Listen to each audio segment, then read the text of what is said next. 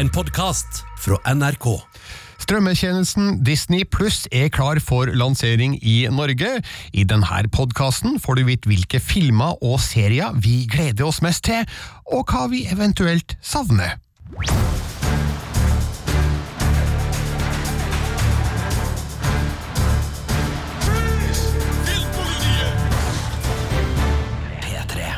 Jeg heter Birger Vestmo, og på andre sida av bordet, ca. to meter unna Sigurd Vik.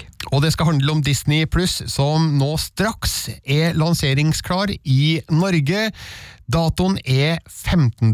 september, og det her er en strømmetjeneste vi har gleda oss stort til, Sigurd. Hvorfor det? Det er jo først og fremst fordi TV-serien The Mandalorian eh, har vært tilgjengelig i USA, hvor Disney Pluss eh, kom i, i fjor, eh, og vi har da skjønt at det er en, en liten sånn Yoda-aktig skapning her, blant annet, og en, eh, en Bounty Hunter i hovedrollen, som gjør at både jeg og, og du, Birger, har gleda oss stort til å endelig få se en av de eh, seriene som vi hadde knytta størst forventninger til.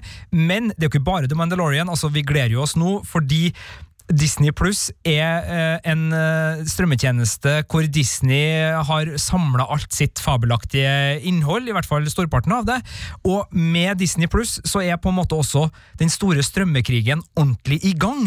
Fordi nå er Amazon på banen, nå er Netflix på banen, nå er Apple TV Pluss på banen, eh, nå er HBO på banen, og, når Disney også kommer, da, så er det liksom den siste biten i det kall krigspuslespillet på plass. og, det gjør jo at ja, let the games begin, er ikke det man sier i sånne settinger? Det sier man, og Disney Pluss har jo et potensial til å bli en skikkelig slugger i det her strømmekrigen, hvis vi kan kalle det. Eh, De har jo da alle Disney-klassikerne som f.eks. for eksempel Pinocchio, Askepott, Tornerose, Jungelboken, Aladdin, og så har de så godt som alle Pixar- og Marvel-filmene og hele Star Wars-sagaen, pluss Rogue One og Solo. Så det er klart at eh, her er det litt av et arkiv som blir gjort tilgjengelig for abonnentene. Med over 500 filmer, 7300 episoder og 40 Disney Pluss Originals kan Disney Pluss nå avsløre innholdet som blir tilgjengelig i Norge ved lansering.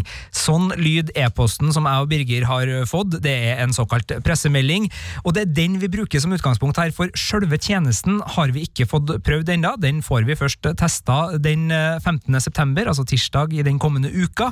Eh, Så, så det her blir jo ikke en podkast hvor vi skal gå gjennom om vi er fornøyd med oppløsning, om vi syns lyden er god, om vi syns brukervennligheten er på topp. Det gjenstår å se, men vi vet nå veldig mye om innholdet. Det gjør at vi kan eh, først nå i denne podkasten snakke litt om innholdet og, og gi en liten eh, landskapsbeskrivelse, og så skal vi, Birger, plukke fram noen favoritter. Det skal vi. Vi har eh, satt oss sjøl en grense på tre hver, da, så det her var veldig vanskelig, fordi den lista over filmer og serier som skal komme på Disney Pluss, den er veldig, veldig lang og innholdsrik, og det var faktisk ganske vanskelig å plukke frem eh, virkelig store høydepunkter her, for det, det er så mange av dem. Ja, eh, men du har jo vært litt inne på det. Vi kan jo bare kjapt gå gjennom liksom, i store trekk hva det er denne tjenesten kommer til å komme med, og, og overskrifta er jo spissa mot familien. Altså, øh, jeg tror vi satt og så litt på kinolistene. Altså sju av de ti mest innbringende kinofilmene i øh, året som var, altså 2019, hadde Disney en finger med i spillet på. De har skaffa seg rettigheter til den største superheltfranchisen. De har Star Wars, og ikke minst så har de jo øh, et merkenavn og en Disney-katalog som er utrolig godt egna til småbarnsfamilier. Spesielt, Birger, av oss så er du familiemann. Har du opplevd behovet for å liksom fikle fram eh, filmer fra video- og, og DVD-hylla som, eh, som barna skal få se, og tenkt sånn åh, enn om det bare hadde vært en strømmetjeneste hvor alt det her bare var et klikk unna?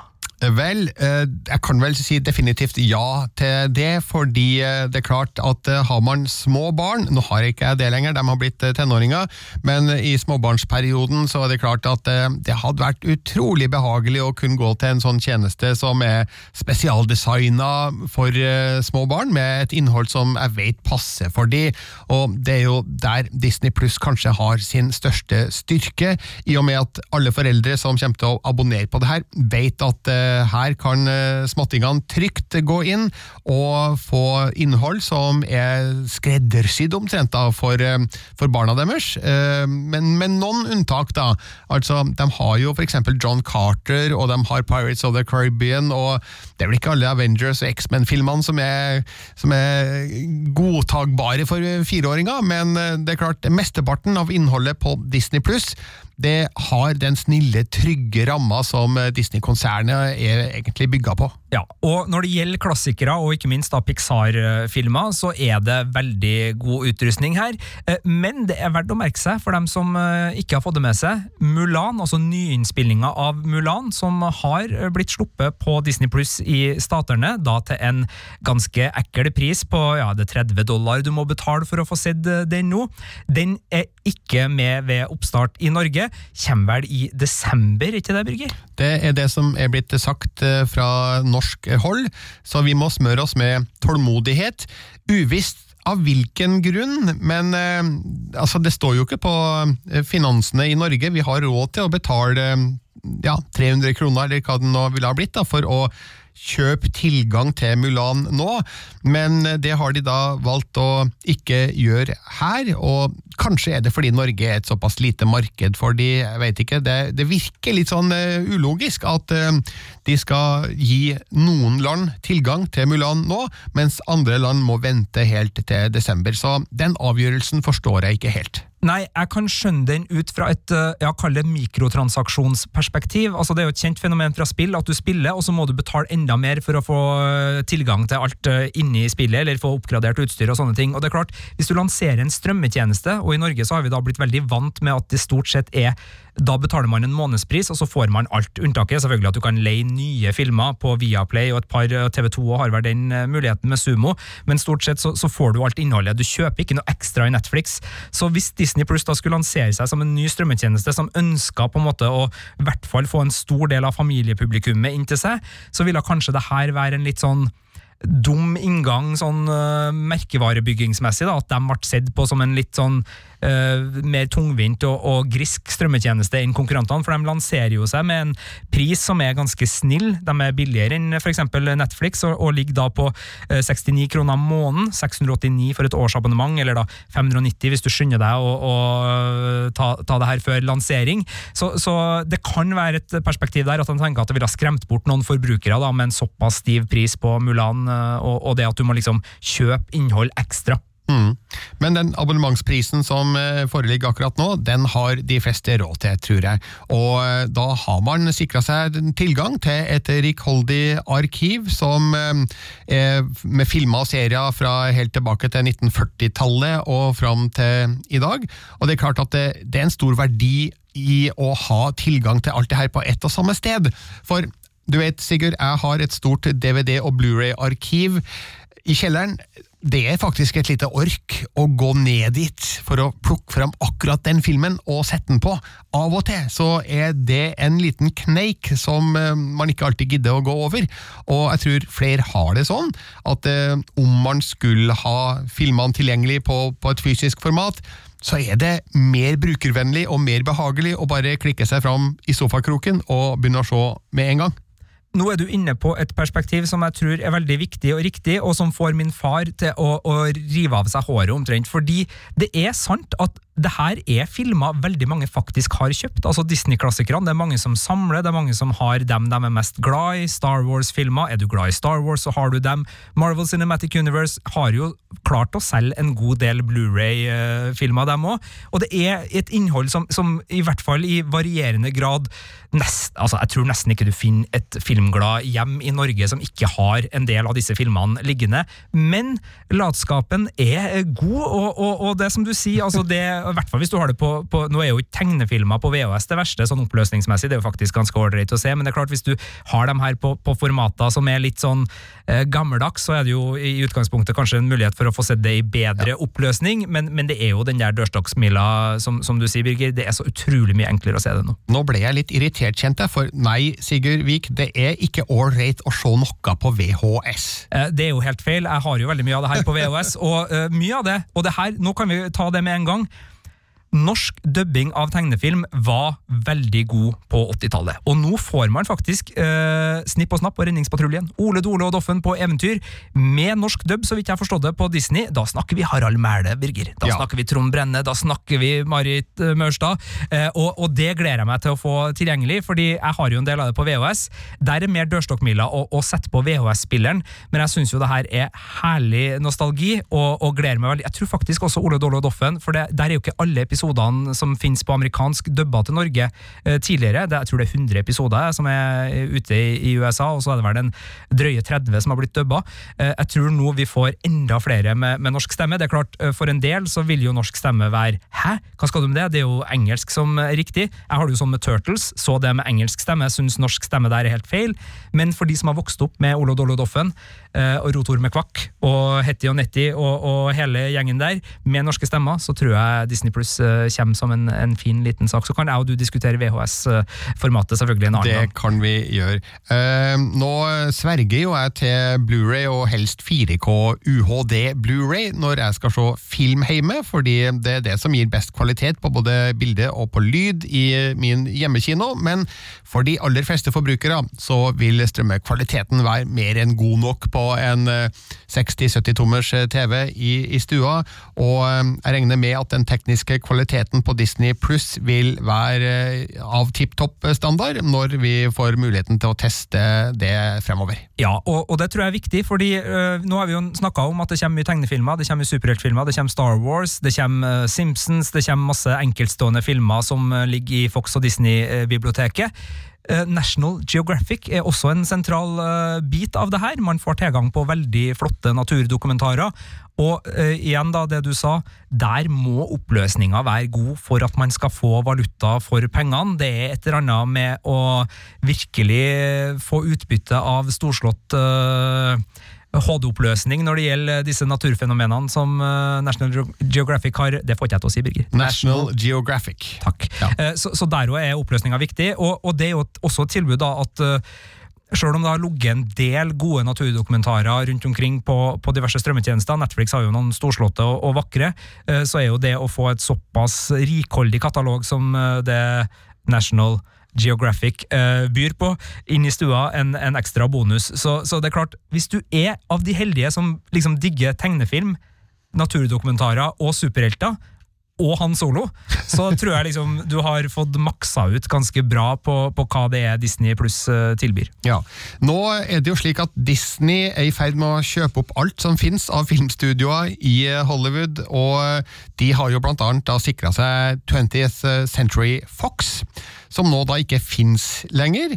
Ehm, Det har jo blitt etterfulgt av 20th Century Studios, og da jeg så filmen The New Mutants i forrige uke, så gleda det mitt filmhjerte at den klassiske Fox-logoen med trommefanfaren, den er videreført, eh, bare med en eh, litt endring i logoen, da, siden filmstudioet nå heter 20th Century Studios. Men hele arkivet til 20th Century Fox, det ligger ikke ut på Disney Pluss.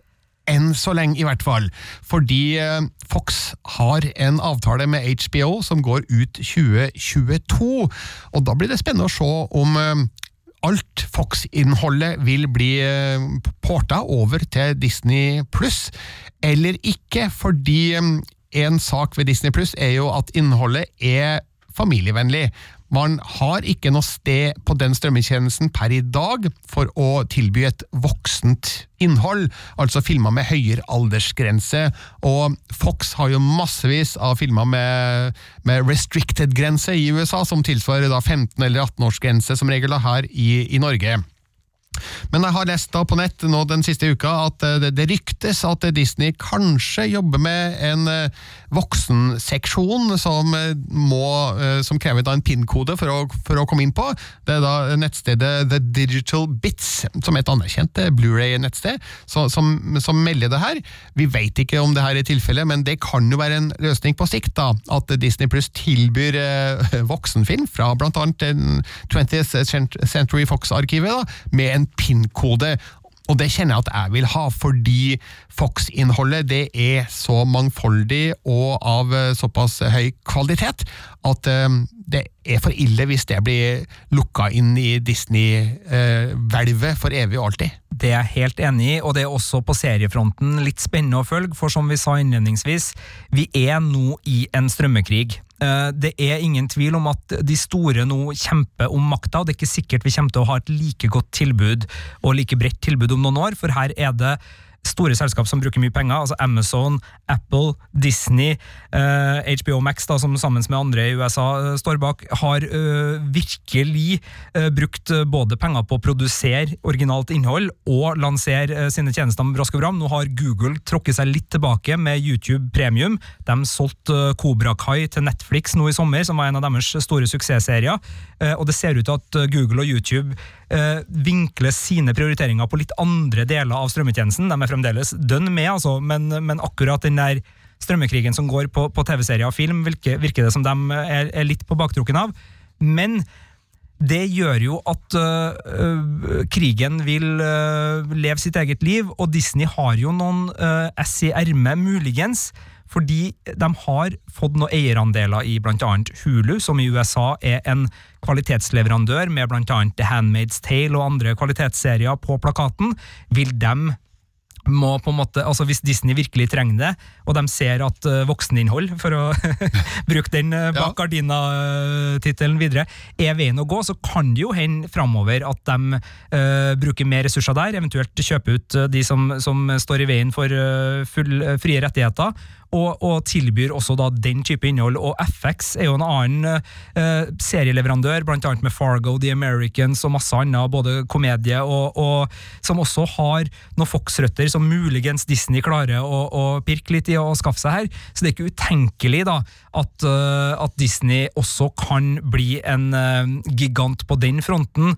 Og, og, det som er fascinerende, er jo at så langt så har liksom til og med HBO og Netflix, som er veldig sånn store originalserier originalfilmmerkevarer hadde veldig mye innhold som de har kjøpt fra andre, og dermed på en måte framstått som helstøpte kall det videobutikker for oss forbrukere. så Vi føler at det alltid er noe å se på Netflix, og at de har masse forskjellig film. Vi kan nå gå inn i ei tid framover hvor det blir mindre og mindre av det. For hvis Disney skal ha absolutt alt sitt på sin plattform og ingen andre plasser, så vil det jo påvirke hva Netflix for eksempel, kan tilby sine kunder.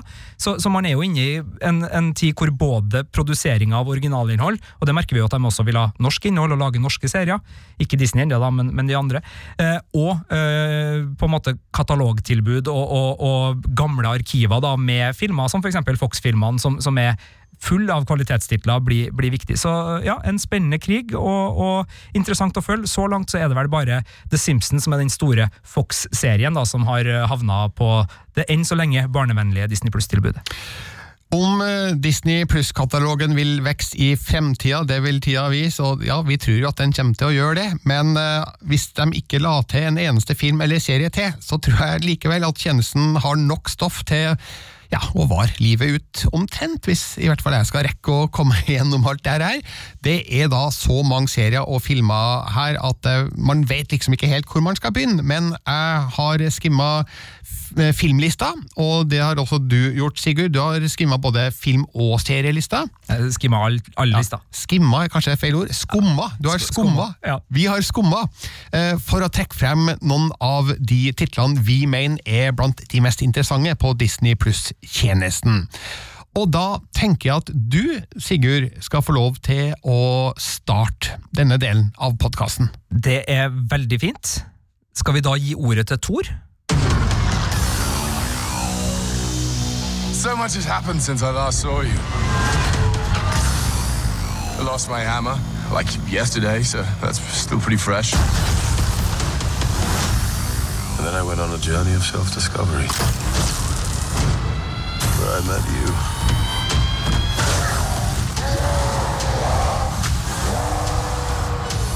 Ikke min onkel Thor, hørtes det ut som? Eh, nei, uh, ikke min onkel Thor heller, men én Thor. En uh, norrøn gud ved navn Thor, eh, spilt av eh, Chris Hemsworth, eh, som da er en av stjernene i Marvel Cinematic Universe sin eh, filmserie, eh, og da selvfølgelig også et eh, selvskrevent medlem av The Avengers. Og det her er jo eh, noen av de mest populære filmene vi har hatt de siste Ja, når var det det starta? I 2008 med Iron, Iron Man. Man. Eh, og det her er jo en av de artigste, for det her er jo filmer som eh, varierer i sjanger, fra ganske sånn blodalvorlige uh, greier uh, til Ja, ikke så veldig blodalvorlige greier, men nokså uh, alvorlige greier. halve verden dør. Ja, ja, det er alvor, uh, virkelig. Men, eh, men i humør, da, så, så er det eh, ikke så, så veldig alvorlig. Men, eh, men eh, så er det også noen som er veldig actiondrevet, veldig fokusert på spesialeffekter og actionmoro. Men det her er jo da Taika Waititis eh, regibidrag, og det er jo en komedie hvor eh, Thor og, og Hulken er på et lite intergalaktisk eventyr. Ja, Det er jo en fargerik actionfest, egentlig, med den ene one-lineren etter den andre, og fantastiske figurer, spesielt Jeff Goldblum, elsker han i denne filmen, og en litt annen tone på hele Thor-universet, etter at den første var jo en elegant eh, Kenneth Branagh-regissert eh, dramafilm med masse eksplosiv, eh, fargerik action, mens den andre, The Dark World, den ble ganske sort og mørk og mutt, men eh, de tok igjen det, for å si det sånn, i Thor Ragnarok. Ja, og dermed så la de jo også, eller reda grunnen da, for at uh, Thor ble et mer humoristisk innslag også i de to uh, foregående, eller altså de to finalefilmene, eh, Avengers eh, Infinity War og Avengers Endgame, så jeg synes jo de gjorde veldig riktige ting med den rollefiguren, og putta han mer i selskap med Guardian of the Galaxy-delen av eh, Marvel sitt, eh, sitt kinolandskap, hvor det er eh, god musikk, og det er det også i Tor her, blant annet eh, Led Zeppelin med eh, Og hva heter den, da? Den her eh, Land of the North-låta? er det Ja, nå vet ikke jeg hva du snakker om. Nei, det er ei Zeppelin-låt som er, er virkelig god, eh, som Ah, jeg ikke kommer på navnet på her, som eh, brukes da veldig fint i Tor Ragnarok. Eh, Immigrant Song heter den låta, beklager Ah. at det tok litt tid, men Led Zeppelin med Immigrant Song er med her, Ja. og det er mye artig. Men Birger, grunnen til at jeg trakk fram denne filmen eh, er ikke bare for at jeg syns den er dritdigg og det er artig å se, det er to andre årsaker. Den første årsaken er at det her universet er så rettighetskomplisert at her har faktisk ikke Disney Pluss fått med seg alt. For når det her kom, så tenkte jeg endelig, da skal jeg få sett alle de 23 filmene i Marvel Cinematic Universe i rekkefølge, og kose meg med det, og liksom virkelig få med meg alle eh, påskeeggene som finnes, og, og nyte det. Men det er bare 20 av 23 filmer som kommer på Disney+. Det er tre som glimrer med sitt fravær, og to av dem er av den viktige sorten. Hvilke? Spy- Spiderman er ikke med her. Ah, Homecoming og hva het den siste, da? Uh, Far From Home. Far From Home uh, ser ikke ut til å komme, i hvert fall ikke umiddelbart. Og det er jo rettighetsmessig den vanskeligste figuren for Marvel. Det har vært en uh, figur som er flaggskip, eh, kan man si. Altså Der eh, DC har Supermann og Batman, så har Spiderman vært den store store Marvel-helten i mange mange år. eh, Og Sony har hatt rettigheter. Så det har vært vanskelig å få til å, å inkludere han i Marvel Cinematic Universe, og jeg vil tro at det er de rettighetsproblematikkene som gjør at vi ikke har Spiderman-filmene. Han er med i, i storfilmene, altså, så, så, så vi får sett Spiderman på Disney+, men standalone-filmene til Spiderman er ikke med i første omgang. Og så er heller ikke Hulken-filmen fra ja, nå, hvor gammel er den? 2008, den òg, ikke det? Film nummer to. Den med Edvard Norton. Ja, den tror jeg heller ikke er her. Jeg ser den i hvert fall ikke på, på lista. Nei. Så The Incredible Hulk, eh, som av mange regnes som kanskje den, ikke nødvendigvis svakeste, men uh, mest sånn, den passer ikke inn.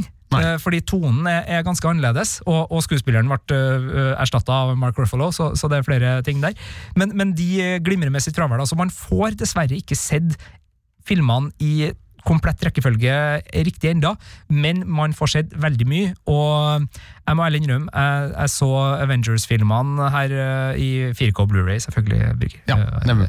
eh, Da den triste, triste nyheten om at Chadwick Boseman dessverre gikk bort, da så jeg dem den helga, og, og da kjente jeg at gnisten ble tent, for å si det med Tors Hammer-språk.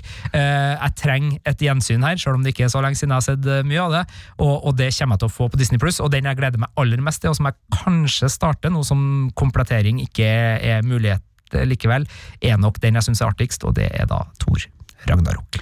Et veldig bra tips der, Sigurd. Og eh, nå kan man altså se de aller fleste Marvel-filmene på Disney pluss. Og det er da Antman og Black Panther og Captain America, Doctor Strange, Iron Man og selvfølgelig alle Avengers-filmene. Så et rikholdig arkiv der, i tillegg til Marvel-seriene. da, altså Det er jo Agents of Shield og det er Marvel Ultimate Spiderman, og det er en hel rekke Marvel-serier som man kan da bare kose seg med der. Men eh, hvis jeg skal trekke frem uh, noe her nå, så skal vi bort ifra Marvel. Vi skal bort ifra moderne tid. Vi skal tilbake til 1979 og filmen The Black Hole. The most destructive force in the universe, Harry. Nothing can escape it, not even light. I had a professor who predicted that eventually black holes would devour the entire universe. Why not? When you can see giant suns sucked in and disappear without a trace? Give us some magnification, Vincent. Polarizing image. Every time I see one of those things, I expect to spot some guy in red with horns and a pitchfork. It's a monster, all right. A rip in the very fabric of space and time. But I picked up something else of interest. Let's see it. It hasn't moved since I first picked it up. It seems to be some kind of ship. Do you copy, Alex? Roger, Dan. Enlarge again, Vincent, and let's try to identify it. The Black Hole, altså fra 1979, gikk på kino i Norge høsten 1980 under tittelen Det sorte hullet, selvfølgelig. Og jeg oppdaga denne historien som tegneseriemagasin rundt den tida der, og ble skikkelig fascinert av eh, den historien som ble fortalt da, i den tegneserien. Eh, problemet var at jeg aldri oppfatta at eh, dette også var en film, og jeg veit ikke hvorfor, men Det sorte hullet gikk på norsk kino uten at jeg oppdaga det. Altså, Jeg var ti år eh, høsten 1980 og var veldig opptatt av science fiction og alt som heter romfart. Dette var jo midt i Star Wars, og Star Trek kom samtidig. Eh, jeg hadde sett nærkontakt av tredje grad, og var veldig, veldig opptatt av eh, aliens og romskip og sci-fi. Men at Det sorte hullet var en kinofilm, nei, det ante jeg ikke. Så det her var rett og slett en eh, en dårlig PR-kampanje av, av, Walt Disney på den tida, føler jeg.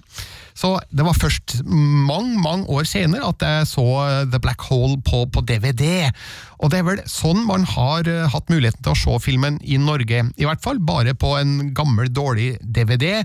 Den kom på Blu-ray i USA i fjor, men det hjelper jo ikke de fleste nordmenn, Sigurd, for uh, da må man ha en sonefri Blu-ray-spiller. Ja, og så må man sitte og vente på at posten skal gå sin Ja. gang, og i disse tider så bruker jo posten veldig lang tid, og Ja, så er ja, det jo ikke sikkert at det er norsk tekst, og det er jo en del som liker norsk tekst, Ja. så nei, det, det er ikke bare bare Nei, så- å, å kjøpe internasjonalt. Så nå kan man faktisk få muligheten til å se uh, The Black Hole ordentlig da, på Disney pluss, uh, kanskje for første gang siden kinoreleasen her i Norge. Og det er en film regissert av Gary Nelson med gamle skuespillernavn som Maximilian Schell, Robert Forster, Joseph Bottoms, Yvette Mimot, Anthony Perkins fra Psycho og Ernest Borgnine i hovedrollene. Eh, Det handler om, om romskipet USS Palomino, som er på vei tilbake til jorda. Eh, Ja, her må jeg skyte inn at det her var jo noen få år etter at jeg så Blindpassasjer, den berømte, legendariske sci-fi-serien på NRK, som du kan se på NRK TV anytime. Så eh, bare utgangspunktet her var jo allerede kjent for min del. Et romskip på vei tilbake til jorda. Altså, det her er jo også litt sånn alien, ikke sant, Eh, som også kom i 1979, men den hadde jeg jo ikke sett på det tidspunkt. Heldigvis, får en si. Eh, Men eh, dette romskipet oppdager da på sin vei tilbake til jorda et, et sort hull i verdensrommet. Alle vet hva det er? Altså, Altså, øh, hvis du spør meg øh, sånn, om jeg kan forklare hva et øh, sort hull er sånn med fysikkens virkemidler, så melder jeg pass. Men at jeg vet sånn cirka at et sort hull er noe du ikke skal bli sugd inn i, f.eks., og at det også kan føre meg på, på ville veier tidsreisemessig, så, så har jeg et sånt visst anslag over hvordan det har blitt brukt i populærkulturen, i hvert fall. Ja, nemlig. Eh, Men eh, USS Palomino-mannskapet oppdaga at rett ved det sorte hullet, så, så er det parkert lansert et romskip som tydeligvis eh, kan eh, være rett i nærheten av det sorte hullet uten å bli sugd inn i det. Og det viser seg at dette er USS Cygnus, og kapteinen på det skipet var faren til ett av besetningsmedlemmene om bord i USS Palomino. Og Derfor så blir det jo litt om å gjøre å eh, kanskje entre dette skipet for å finne ut hva har egentlig skjedd. Og jeg skal kanskje ikke Nei, det skal du ikke. avsløre for mye om hva som skjer eh, da, men vi hører et lite lydklipp eh, her nå.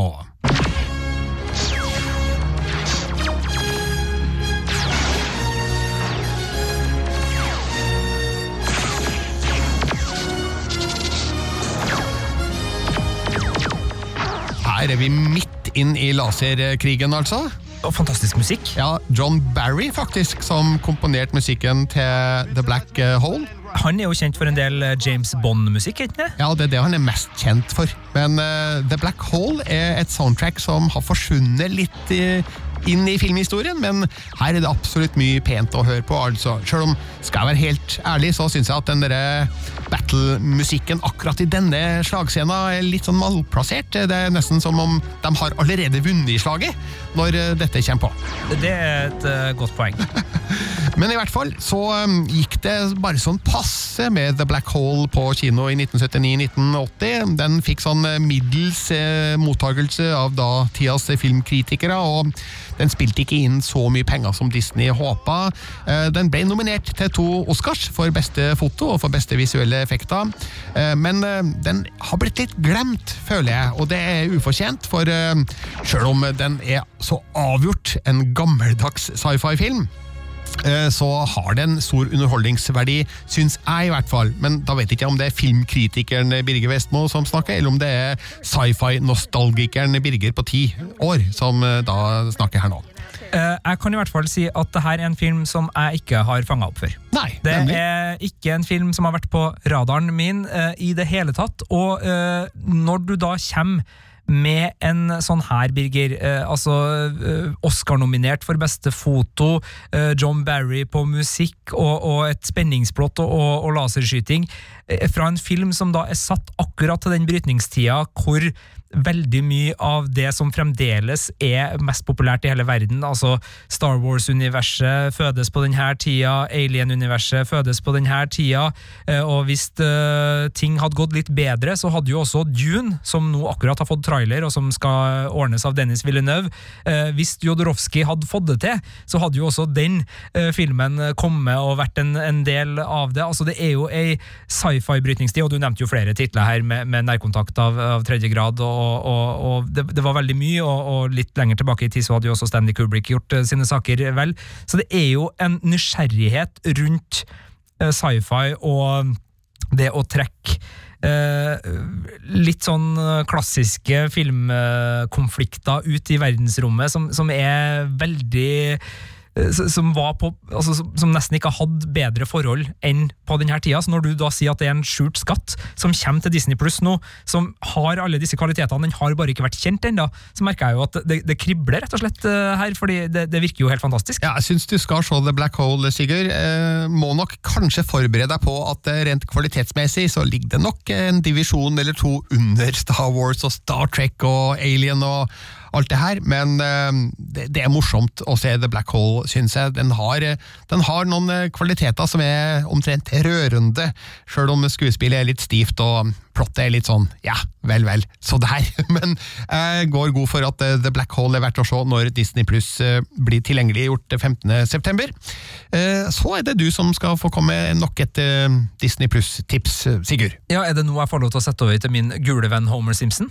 Homer Simpson here, proud addition to the Disney family and soon appearing on Disney Plus. I, for one, salute our new corporate overlords. Now, family, put on the mouse ears. You only get one chance to make a first impression. I don't wanna, I'm not gonna, you can't make me. Akkurat, nemlig. Eh, forholdsvis eh, nyinnspilt eh, lydklipp, vil jeg anta, med Homer og Bart. Ja da, eh, fra da det ble klart at eh, Disney hadde kjøpt Fox, og at eh, det nå var eh, en, en ny eier på, på gang. Men altså, det er klart, eh, The Simpsons har eh, holdt på siden slutten av 80-tallet.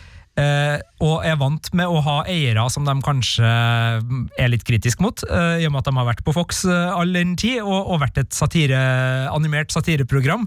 Så, så det er ikke så veldig uvant for, for eh, Homer Simpson å eh, gi akt til sin nye commercial overlord, eh, som vi, vi hørte her. Så det tror jeg nok går veldig bra. Men det her er jo en bauta av en animert humorserie for et ja, Nå skal vi slutte å si voksenfilm og voksenpublikum, for det, her, det er jo mer enn det. Men altså, det er ikke, det er ikke barnetegnefilm, det her. Eh, og, og en av pionerene for serier som eh, ja, Family Guy, South Park, eh, Rick and Morty, Bojack Horseman, altså you name it. Hvis det er animert og en halvtime og morsomt, så er det i stor grad Simpsons som har vært eh, mye av inspirasjonen. Det har vært en serie som har dratt med seg så mange kjendiser og gjestestemmer at de til og med har blitt uh, viska ut av eh, sesonger. Jeg tror Michael Jackson er fjerna fra nye DVD-utgivelser, og jeg er spent på om den episoden hvor han er med, kommer til å dukke opp på Disney pluss. Disney er jo glad i å holde rimelig holdsomt og cleant, så det er ikke sikkert at den gamle popstjerna, fordi de tingene som har skjedd rundt han, er, er greit nok for dem å, å, ha med. Jeg håper jo alle episodene er der, selvsagt. Jeg mener jo at sånt ikke skal sensureres, det skal absolutt diskuteres. og det kan, kan trekkes fram, men, men den der sensuren av kunst og fjerning av filmer som er kontroversiell, det tror jeg ikke hjelper på problemet. Det tror jeg bare er en sånn uh, halvkveda løsning som ikke fører oss på så veldig mye bedre plasser. Nok om det. The Simpsons har vært en av mine oppveksts store gleder. Det går fremdeles, men det skal sies, selv om vi får 30 sesonger med The Simpsons på, så får vi ikke alle. Og det tror jeg, uten at jeg er 100% skråsikker her nå, det tror jeg har med rettigheter å gjøre, for de siste sesongene kommer ikke her. Og det er nok fordi at det finnes TV-rettigheter som kanskje begrenser hva Disney kan gjøre som strømmetjeneste med akkurat de sesongene, hvis det er sånn at de går på lineær-TV f.eks. andre plasser, eller har de type rettighetsavtaler i gang. Men er det et stort tap at de siste sesongene av The Simpsons ikke er med her? Det vet jeg faktisk ikke, rett og slett fordi som så mange andre så har jeg falt av The Simpsons. Det gjorde jeg vel en gang uti sånn sesong 24-25, tror jeg. Så det begynner jo å bli noen år siden faktisk at, at jeg ramla av. Men der Simpson på en måte aldri har slutta å være The Simpsons, så har så mange andre animerte halvtimesserier tatt over som de mest relevante og mest interessante og mest artige. Det er klart det blir litt slitasje, Birger. Ja, med 32-33 sesonger med, med samme oppskrifter. Og, men jeg må si, fram til sesong 14 så storkosa jeg meg mm. så med The Simpsons. Altså da, det, det, er min gylne runde. og De har jo vært tilgjengelige på DVD-bokser, og dere har sett dem hos vennene deres. Det er sånne pappcover, litt sånn slitt i kantene, med én og én sesong. Eh, du får jo tak i dem på bruktbutikker og, og rundt omkring, og får sikkert kjøpt dem nye òg, men nå slipper du jo det, da, hvis du er villig til å betale det Disney Pluss vil ha. Da får du dem et tastetrykk unna, akkurat som at South Park ligger hos Viaplay der uh, du finner alt av Bojack og alt av Rick and Morty på Netflix. Jeg tror du finner alt av Rick and Morty også på HBO Nordic. Så vil da Disney Pluss ha, så vidt jeg vet, uh, enerett på uh, den gule familien. og altså Mr. Burns, Mo, Marge, Maggie, Lisa, Bart, Homer Altså, det her er, er, så mye gull, og det er også interessant i et sånt litt dagsaktuelt perspektiv, fordi USA preger nyhetsbildet og verdensbildet vårt i ganske stor grad, vil du ikke si det, Birger? I aller høyeste grad, faktisk. Og ja. alt som skjer i USA, det velter jo over på oss etter hvert. Så USA er fremdeles en stor inspirasjonskilde både i politikk og kultur, på godt og på vondt. Ja, og i så måte så er det interessant å se igjen Simpsons for å se litt hvordan pendelen svinger, og hva som har liksom vært innafor av satire, og hva man har flira av, og hva man ikke har flira av, og, og, sånne ting. Så jeg syns det har noe for seg, rett og slett, å, å gå gjennom litt gamle Simpsons-episoder, men også andre amerikanske humorgreier. Men spesielt Simpsons, for de har, de har ligget på den pulsen så lenge. De har ligget på den pulsen i over 30 år, og da, og da blir det litt fascinerende. Og det er jo også interessant å liksom se de ulike gjesterollene som har vært innom der, hvordan de på en måte portretteres i serien da, og hvordan kanskje inntrykk man har av de samme personene i dag. Mm. Sånn at der har det jo vært eh, endringer på, på, på noen og enhver. Så ja, skal ikke reklamere noe mer for The Simpsons, egentlig, annet enn å bare si at uh, det her er artig. Det her er mye, eh, og det her er gult. Ja, det er oppfattet. Eh, Nå er det slik at eh, jeg sjekka Internett Movie Database, og der står det at eh, The Simpsons hadde premiere i Norge 15. januar 1992. Altså tre år etter at den hadde USA-premiere. Og så vidt jeg husker, så ramla jeg av etter eh, kanskje én eller to sesonger, men det hadde ingenting å gjøre med kvaliteten. Jeg digga jo The Simpsons, som alle gjorde på den tida. Det har mer å gjøre med TV-vaner, fordi på den tida så, så man jo bare lineær-TV. Og eh, man hadde ikke alltid tid til å sitte og se TV hver kveld, man skulle gjøre andre ting, og så ramla jeg av The Simpsons og kom aldri i gang igjen, og nå- er det altfor mye å begynne med. Altså, hvis man skal se The Simpsons på Disney Pluss nå, bør man starte helt på begynnelsen, eller kan man hoppe inn et sted uti? Hva, hva syns du om det? Nei, man, man kan gjøre begge deler. Det her er jo heldigvis ikke noe som er så veldig knøttet. Men det jeg ville ha gjort, er å google en uh, liten sånn best Altså hvis man er helt ny, aldri har sett The Simpsons, og, og ikke kjenner at man har tålmodighet til å sette seg ned og begynne å pløye gjennom fra, fra starten, søk opp en av veldig mange lister over de beste Simpsons-episoder, og, og start der. Altså, det er så mange gode. Altså, det er øh, Ja, nei, jeg skal, jeg skal ikke Men altså, Tomacco, for eksempel. Altså kombinasjonen av tomat og tobakk, som Homer slår seg opp for å, å dyrke en periode. En av mine favoritter. Eh, og, og det er så mye fint der, og, og det er en del Mr. Burns-episoder, og man kan liksom finne sine. altså Sultestreiking er det her, eh, ekstrem fedme er det her. altså Det er veldig mye av det vi liker å, å fly litt i skjegget av når det gjelder amerikanere, har sin episode av The Simpsons. Så, så gå inn og, og se noen oversikter over The Greatest Episodes, og, og begynn der. Da har man et veldig sånn enkelt utgangspunkt, og så er det jo heldigvis ikke noe problem med The Simpsons å hoppe litt fram og tilbake, fordi episodene har sitt tema og er enkeltstående, og så nullstilles det jo på hver eneste episode, sånn at det er lite som på en måte henger ved og, og uh, blir med videre, så, så det er en veldig enkel serie i så måte. Da er det min tur igjen til å foreslå noe fra Disney Pluss-katalogen, og da skal vi til en film fra, ja, vi skal til 1980-tallet. Eh, vi skal til 1982, og filmen Tron. You shouldn't have come back. Hey, hey, hey, it's the big master control program everybody's been talking about. Sit right there. Make yourself comfortable. Remember the time we used to spend playing chess together? That isn't going to do you any good, Flynn. I'm afraid. Stop. Please. You realize I can't allow this. Now, how are you going to run the universe if you can't even answer a few unsolvable problems? Huh? Come on, big fella, let's see what you got. I'd like to go against you and see what you're made of. You know, you don't look a thing like your pictures. I'm warning you. You're entering a big error, Flynn. I'm gonna have to put you on the game grid. Games? You want games? I'll give you games. Ja, det er dramatisk. Altså, her um, hørte du Jeff Bridges i rollen som Kevin Flynn, et datageni som prøver å bryte seg inn i databasen til selskapet N.com, som han en gang grunnla, men så forlot. Den andre stemmen du hørte her, det tilhører da eh, databasen. Eh, Master Controller Jeg husker ikke helt hva navnet var. nå. Master Control Programmer, kanskje? Ja, noe sånt. I hvert fall David Warner har den stemmen. Og han eh, blir da skanna inn i databasen og befinner seg plutselig i et spillunivers med 1982-grafikk.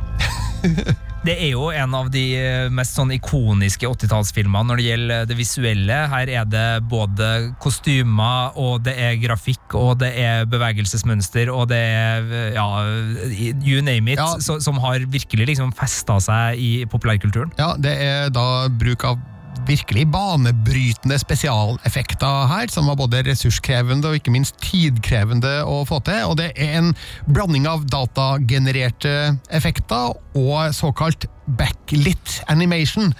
Vet ikke hvordan det skal sies på norsk, men i hvert fall eh, datagrafikken her eh, var jo helt nytt i filmbransjen på den tida, og krevde lang tid for å få programmert det, fordi datidas datamaskiner var ikke spesielt kjempekraftige. Så jeg har lest et sted at én frame, altså ett bilde av filmen, kun ta opptil seks timer å rendre.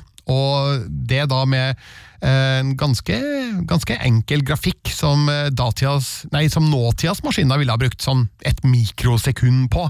Men det her var da regissør Steven Lisbergers eh, idé, og Disney ga han pengene til å gjennomføre det her. og jeg syns at det her har blitt en helt fantastisk morsom, eller ble en helt fantastisk morsom og underholdende film, og den gikk jo rett inn i eh, sin samtid, der eh, dataspill var under eh, full utvikling. Vi begynte å få sånne arcades, eller spillehaller, med Pac-Man og Asteroids og de her klassiske spillene som du måtte putte inn en krone på for å spille videre. Uh, og det her var jo også før vi begynte å få konsoller for alvor på heimebane. Det fantes noen, Atari f.eks., men uh, det var en virkelighet som jeg virkelig var kjempeinteressert i. For uh, ja, det skjedde ikke så mye på Stjørdal i Nord-Trøndelag, Sigurd. Så, og det fantes ikke så mye som et dataspill i sikte. Og Tron var rene drømmefilmen for, for min del, og um, jeg elska hvordan da de visualiserte en spillverden der um, Kevin Flynn da, i Jeff Bridges uh, form må samarbeide med personifiserte bits og bites for å, for å prøve å komme seg tilbake til sin egen verden, og samtidig bekjempe da den onde visepresidenten i N.com spilt av David Warner, som prøver å påvirke da utfallet fra utsida. da. Så her er det masse tastaturhelter som blir satt på ordentlige visuelle prøver. Og jeg elska jo også oppfølgeren Tron Legacy, som kom i 2012, nei unnskyld, 2010, eh, i regi av Joseph Kosinski, som eh, for øvrig laget den nye Top Gun-filmen Maverick, som kommer neste sommer. Eh, og nå går det rykter om at det skal også komme en Tron 3, som skal regisseres av Garth Davis, kjent for Top of the Lake, filmen Lion med Dev Patel, og eh, Maria Magdalena-filmen fra 2018 med Rooney Mara og Joaquin Phoenix. Og det ryktes at Jared Leto skal spille hovedrollen da i Tron nummer tre, og det ryktes at uh, tittelen skal være Tron Ares, uten at det her er bekrefta. Men det var altså da uh, en ulaga film så langt, men uh, Tron og Tron Legacy finner du da på Disney Pluss fra 15.9, og jeg anbefaler begge, men du må altså begynne med originalen, da, Tron fra 1982. Eh, visse deler av filmen vil nok fortone seg litt gammeldags, sett med da, nåtidas eh, øyne, men man, man, må huske at spesialeffektene i Tron de la grunnlaget for eh, effekter vi ser på kino den dag i dag. Og uh, Sa du fortone seg, eller fortone seg? Eh, fortone seg, mente jeg, men eh, hvis jeg sa fortrone seg, så var jo det et fabelaktig passende ordspill, da. Ja. jeg vil også bare skyte inn at for dem som syns at Westworld er et tankespinn som er utrolig spennende, både når det gjelder visepresidenter og, og, selskapskultur, men også litt sånn kunstig intelligens, så, så, er det også et, et, et, et perspektiv å få inn fra, fra Trond-sida her, som, som jeg syns er veldig fascinerende og helt enig med deg, Birger. Det her er 80-talls gull du, du, tipser om her. Og det er Jeff Bridges. Jeg bare gjentar det. Det er Jeff Bridges i hovedrollen. Well, that's like your opinion, man. The Dude. Du har enda et tips fra Disney Pluss-katalogen, Sigurd? Ja, eh, vi skal til en eh, annen helt. altså Jeff Bridges står høyt oppe på vår liste, Birger, over skuespillere vi setter stor pris på. Der finner vi også Heath Ledger, som dessverre ikke er blant oss lenger, som eh, gjorde seg veldig bemerka blant annet da som Joker i Batman-filmene til Christopher Nolan, eller den ene. Men før det så har også han, som så mange andre, en fortid i high school-sjangeren, og min absolutte high school-filmfavoritt har har forvilla seg til Disney pluss. Den så jeg på lista der. Den heter Ti ting jeg hater ved deg, og her i denne filmen så synger Heath Ledger sammen med skolekorpset. You're just too good to be true. Can't take my eyes off of you.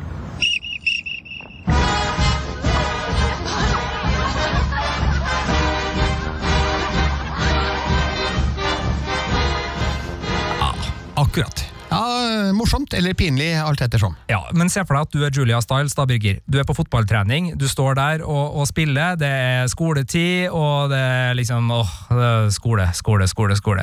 Og så hører du over høyttaleranlegget Heath Ledgers stemme som synger til deg. Croone. Så begynner han å rusle nedover tribunene, ned mot fotballbanen, mens han synger. Og, og vennene dine syns det er litt flaut, men altså da er det bare Heath Ledger som synger, så det er liksom, det er ikke noe annet. Og så plutselig så viser det seg at han har hyra inn korpset, så korpset som så ut til å bare ha øving sånn på andre sida av banen, de snur seg plutselig og begynner å marsjere og spille da taksfast. Så prøver politiet, eller altså skolepolitiet, sikkerhetsvaktene om du vil, å fange Heath Ledger, men Heath er jo en langhåra rocker med gode moves, ikke sant? så han kommer jo seg, skipper jo unna det her mens han synger. Og øh, sånne tjukke sikkerhetsvakter de ramler vet du, de ramler når de prøver å få tak i Heath, klarer ikke det. Så det blir masse latter og romantikk og Julia Stiles og Heath Ledger, og det er Shakespeare-basert. Det her Birgis, jeg snakker ikke om noe sånn billig high school-script, altså det er basert på et Shakespeare-stykke. Og ja, nei, Det er altså en av de beste scenene i en av de aller beste high school-filmene fra 1999, samme året som American Pie kom på kino, som She's All That med Freddie Prince Jr. kom på kino, og ja, det var vel også da uh, Detroit Rock City kom på kino, men uh, nok, nok, om det, nok om det, det var et veldig godt high school-år. Sånn imellom Clueless, som kom i 95, og liksom Mean Girl, som kom i 2004, så hadde du liksom sjølve godbiten, da, like før Roadtrip. Da hadde du liksom 1999 som står igjen som et sånt Vi har forresten laga liste i Filmpolitiet, hvis dere ønsker. altså Topp fem high school-filmer fra 1999. Den er det bare å gå inn og, og finne. Den har vi selvfølgelig, eller den har jeg selvfølgelig laga, uh, det tror jeg er ti år siden nå. Men uh, den, den, er der, så, så, så, det her er rett og slett bare noe av det beste. Og uh, det er ikke bare Heath Ledger og Julia Style som er med som senere ble store, store stjerner. Joseph Gordon-Lewitt er også med her. Spiller da uh, The Other Guy, på, på sett og vis. Ikke som konkurrerer, men som er da kompisen til, til Heath Ledger. Så, så, tre virkelig stjerneskuespillere i, i front på denne high school-godbiten. Jeg leste at Joseph Gordon-Levitt egentlig prøvde å ikke spille i Ti ting jeg hater ved deg, fordi han ville ikke spille i en high school-movie, han ville gjøre seriøse filmer. Det var i hvert fall et uh, et forsøk, da, men det uh, var bra han ikke lyktes. Jeg tror det var greit for karrieren hans at han var med i Ti ting jeg hater ved deg. Uh, jeg bare sjekka litt at uh, altså, filmen ble regissert av en kar som heter Gil Junger, som jeg ikke kan huske å ha lagt merke til siden, men jeg bare så på Internet Movie Database at han har jo faktisk laga en oppfølger som heter Ten Things I Hate About Life, som kom i 2014. Uh, og den handler om to tenåringer som uh, som blir da romantically eh, involved, eh, samtidig som eh, de har planlagt å begå selvmord. Ja, Oi. nemlig. Evan Rachel Wood spilte i den, så jeg, altså Westworld-stjerna. Ja. Evan Rachel Wood. Det er godt mulig, jeg har ikke sjekka lista der, men det er tydeligvis en, en film, da, Ti ting jeg har hatt ved deg, som har satt spor. Det har også vært en TV-serie, vet jeg. Men den originale filmen den blir nå tilgjengeliggjort på på Disney Pluss, og ja Hvorfor liker du den her, egentlig? Nei, altså det, det, er, det, er, jo en historie som er litt sånn uh, Veldig typisk for den tida, uh, men også tidløs. Uh, det er en, en Det er en litt streng far som har to døtre. Og den ene vil gjerne på date, mens den andre vil ikke på date og er veldig tilfreds med å bare konsentrere seg om sitt. Eh, og så er det da rollefiguren til Joseph Gordon-Lewitt som gjerne vil be ut eh, den søstera som vil på date. og så sier faren da i en litt sånn her Ja, hvis søstera di blir med, så skal du få dra på date. så da hyrer Joseph Gordon-Lewitt Heath Ledger sin rollefigur, som er liksom skolens rocker, skolens pøbel, skolens outcast, for og liksom overbevise uh, søstera, som da spiser av Julia Stahl, som ikke vil på date, ja. til å bli med på date. Så det er avanserte greier der, Birger. Du skjønner du, du hører. Jeg sliter med å, å holde ting i, i, orden, men det er da uh, Altså, hvis jeg husker riktig hva heter det Shakespeare-stykket? Er, er, det noe så stygt som 'Taming of the Shrew'? Kan det stemme? Det kan at, stemme. Uh, at uh, det er, Shakespeare-stykket. Så, så, det har jo et, et, en litt sånn ekkel uh, bakgrunn sånn uh, tittelmessig der. For Julia Stiles er på ingen måte noe, noe shrew sånn i, i noen negativ kontekst. Hun er bare ei veldig uh, selvstendig øh, ung jente som vet hva hun liker, og som ikke gidder å være konform og gjøre alt det high school kids skal gjøre.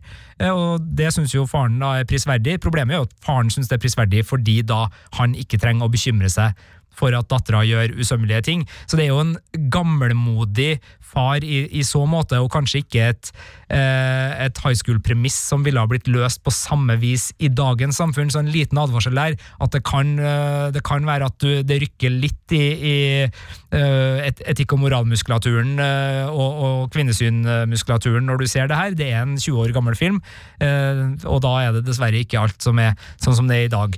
Men jeg syns allikevel det er en high school-film eh, verdt å se, ikke minst fordi den da traff så himla godt med skuespillerne. fordi det premisset der kan du gå i alle retninger med. Du trenger ikke å lykkes i det hele tatt, men spesielt da eh, romansen mellom Heath Ledger og Julia Stiles, og det er veldig mye bra litt sånn pop-punk-musikk også på, på soundtracket her, gjør at uh, det her er en sånn film som uh, fester seg og funker. Ja. Jeg tenkte jeg skulle slå i bordet med min anmeldelse av filmen eh, fra 1999, fordi det var da den kom.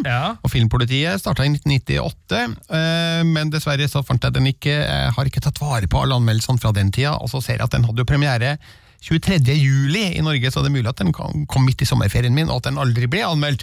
Eh, Så Derfor så har jeg ikke noe terningkast å slå i bordet med her, da, men eh, hvilken terning ville du ha gitt til ti ting jeg hater ved deg? Altså, som Personlig, fordi jeg har sett den så mange ganger og er så glad i den, så er det jo en terningkast seks high school-film for meg. Eh, om det er en terningkast seks-film, er kanskje å, å ta i litt, men, eh, men sjøl så, så tror jeg nok jeg ville ha putta det på den.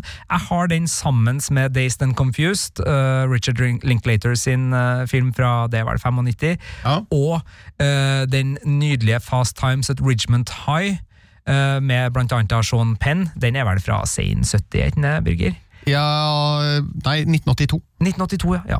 Eh, det, jeg, har, jeg har den sammen med de to som liksom favoritt high school-filmer gjennom tidene. og det vil si at Animal House og Grease og Mean Girls og American Pie må bare finne seg i å, å være eh, slått.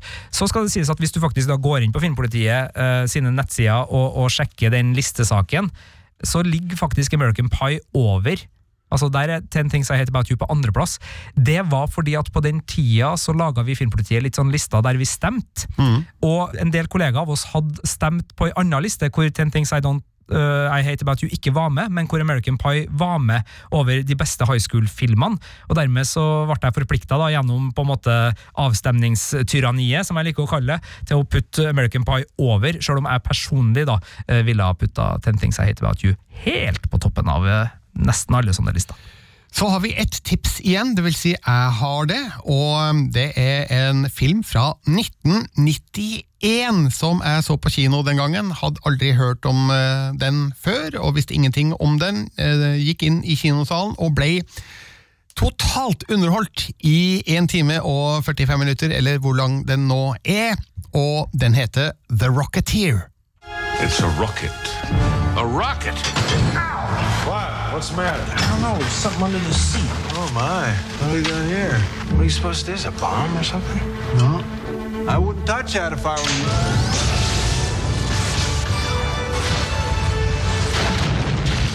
How do I look? Like a hood ornament. Stand clear. What was that?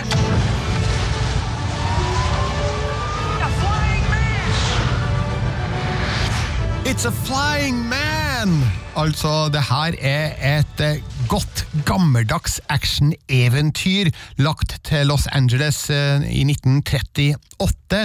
Og eh, det er også da datidas stil man har tilnærma seg i The Rocketeer, som er regissert av Joe Johnson, som er kanskje mest kjent for Jurassic Park 3 og den første Captain America-filmen, The First Avenger.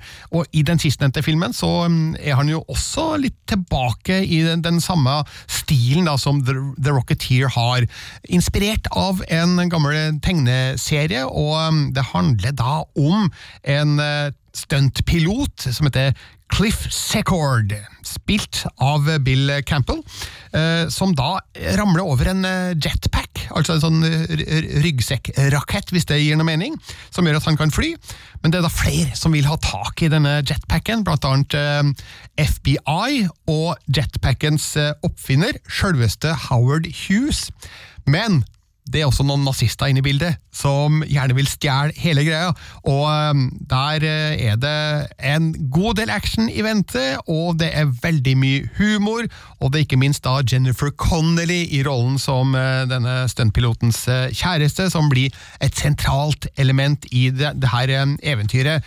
Ja, for det er et eventyr. altså Det er sånn skikkelig gullaldereventyr som uh, har de elementene Hollywood er så flinke til. og eh, Sånn i underholdningsfaktor så syns jeg det nærmer seg Indiana Jones. altså Det er jo også eventyr fra samme epoke, og du får mye av den samme stilen i The Rocketeer, bare uten eh, alt det overnaturlige da fra Indiana Jones-filmene, men du får old school action, og du får høytflyvende spenning, og du har skikkelig todimensjonale, men sjarmerende figurer. Altså Jeg nevnte Bill Campbell og Jennifer Connolly. I tillegg så finner du blant annet uh, skal vi se, hvor er de navnene? Ja, Alan Arkin og Timothy Dalton spiller da viktig rolle her. For det er James Bond, Timothy Dalton er kjempe her. Sånn, Ja, ja, ikke jeg, sant? jeg, har ikke, altså, jeg vet ikke om jeg har sett den engang, men jeg husker altså, jeg, jeg vet om den fra, fra barndommen, og, og da er det Timothy Dalton uh, som er årsak, tror jeg, pluss uh, ja, Ja, Han sånn- ble også brukt hyppig i markedsføringa, for han hadde jo nettopp spilt uh, The, Living Daylights og License to Kill da, i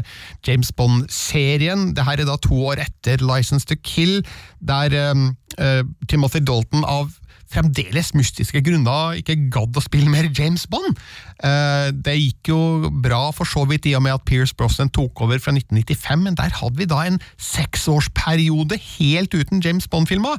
Så vel, der gikk eh, sjansen fra Timothy Dalton til å bli en virkelig stor Bond-spiller, skuespiller, men han ville kanskje ikke. Men han gjorde en fortreffelig rolle da i The Rocketeer, som jeg bare anbefaler på det varmeste. Terningkast seks-film er det kanskje ikke. Det, jeg vet ikke, det er kanskje ikke fem heller. Jo da, det, det er så vidt opp på femmeren, altså. Men eh, jeg storkoser meg med The Rocketeer, og jeg, jeg tør påstå at ingen kommer til å kjede seg et sekund når de ser The Rocketeer. Eh, jeg må bare spørre deg, Birger. eh, The Rocketeer, når kom den fra, sa du? Eh, filmen kom i 1991. Og eh, Trond kom i 1982. Og uh, The Black Hole kom i 1979.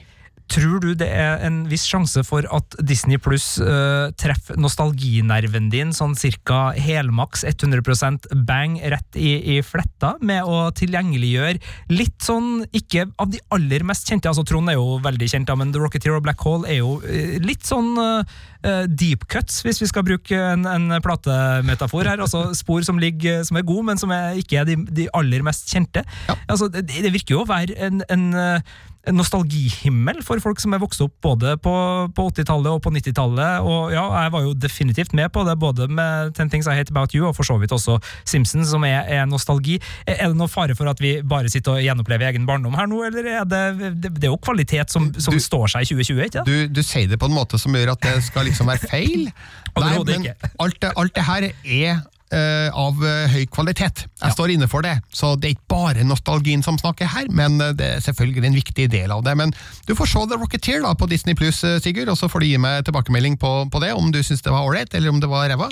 Altså, For meg så har denne eh, praten vært helt fantastisk, fordi uh, både The Black Hole og uh, The Rocketeer er uh, blast from the past som har eh, gått meg forbi. Jeg, jeg lurer på om jeg har sett The Rocketeer, men det er i så fall eh, på videokiosken. Ja. si. Altså, det er så lenge siden at jeg har ingen hukommelse av eh, handling eller noe som helst, Nei, der, så, altså- så det blir som en ny film. Den, den har av pussige årsaker ikke vært tilgjengelig på DVD eller Blu-ray i Norge, altså med norsk tekst og sånn. Du kan import, importere den fra USA eller, eller England, men her i Norge så har du ikke hatt muligheten til å se den på et fysisk format med norsk tekst. Eh, Du har kunnet leie eller kjøpe den hos Blockbuster, ser jeg på, på, på internettet. Det er mulig at det er noen andre som også tilbyr den, da, men eh, den har ikke vært veldig synlig da, i det digitale landskapet på en god stund, så derfor er det veldig ålreit, syns jeg, da, at Disney Pluss har den med i eh, sin katalog fra 15. september. Eh, jeg vet at det også finnes en TV-serie basert på filmen som heter The Rocketeer, som hadde premiere på Disney Junior i fjor. og Da handler det om Kit Secord, den sju år gamle sønnesønn, eller barnebarnet, til Cliff Secord, som da får tak i denne jetpacken og blir en ny Rocketeer. Men den serien ser jeg ikke på lista over serier på Disney pluss, så vi får se om The Rocketeer-serien dukker opp etter hvert. Men enn så lenge så er det bare filmen du kan eh, kose deg med fra 15. september, og det er herved anbefalt. Nei, så hva tror vi? Tror vi at eh, Disney pluss er liv laga?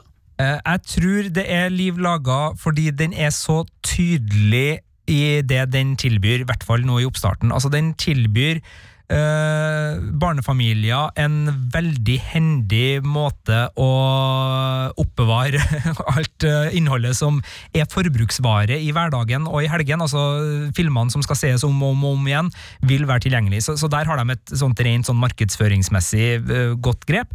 Og så er det jo det at de tilbyr da både eh, nostalgi, men også litt sånn tapt nostalgi da, i de titlene du har gravd fram her. Og jeg så også Mighty Ducks, altså hockeyfilmen med Emilio Esteves fra, fra 90-tallet. Altså filmer jeg ikke har sett siden jeg var unge. altså Jeg ser jo uh, muligheter for å bli sittende i dagevis uh, og, og rulle rundt, men, men det er jo ikke dårlige titler. altså Det er jo ikke bare, det er jo ikke ræl som kommer her. altså Det er mye kvalitet, og, og i tillegg så har de en, en eh, uh, Altså, det er så mye glede i å liksom kunne ja, se gjennom Pixar-filmer. Og det er kortfilmer, og det har ikke vi nevnt engang. Det er masse gode Disney-kortfilmer som kommer her, som er skjønne små mesterverk som har vært Oscar-nominert i, i hopetall, og som er kjempefine. Ja, det klassiske Disney-filmer med Donald Duck og Mikke Mus og Langbein og alle de der. Altså, det er massevis av det, og selvfølgelig da rosin i pølsa, syns jeg, da.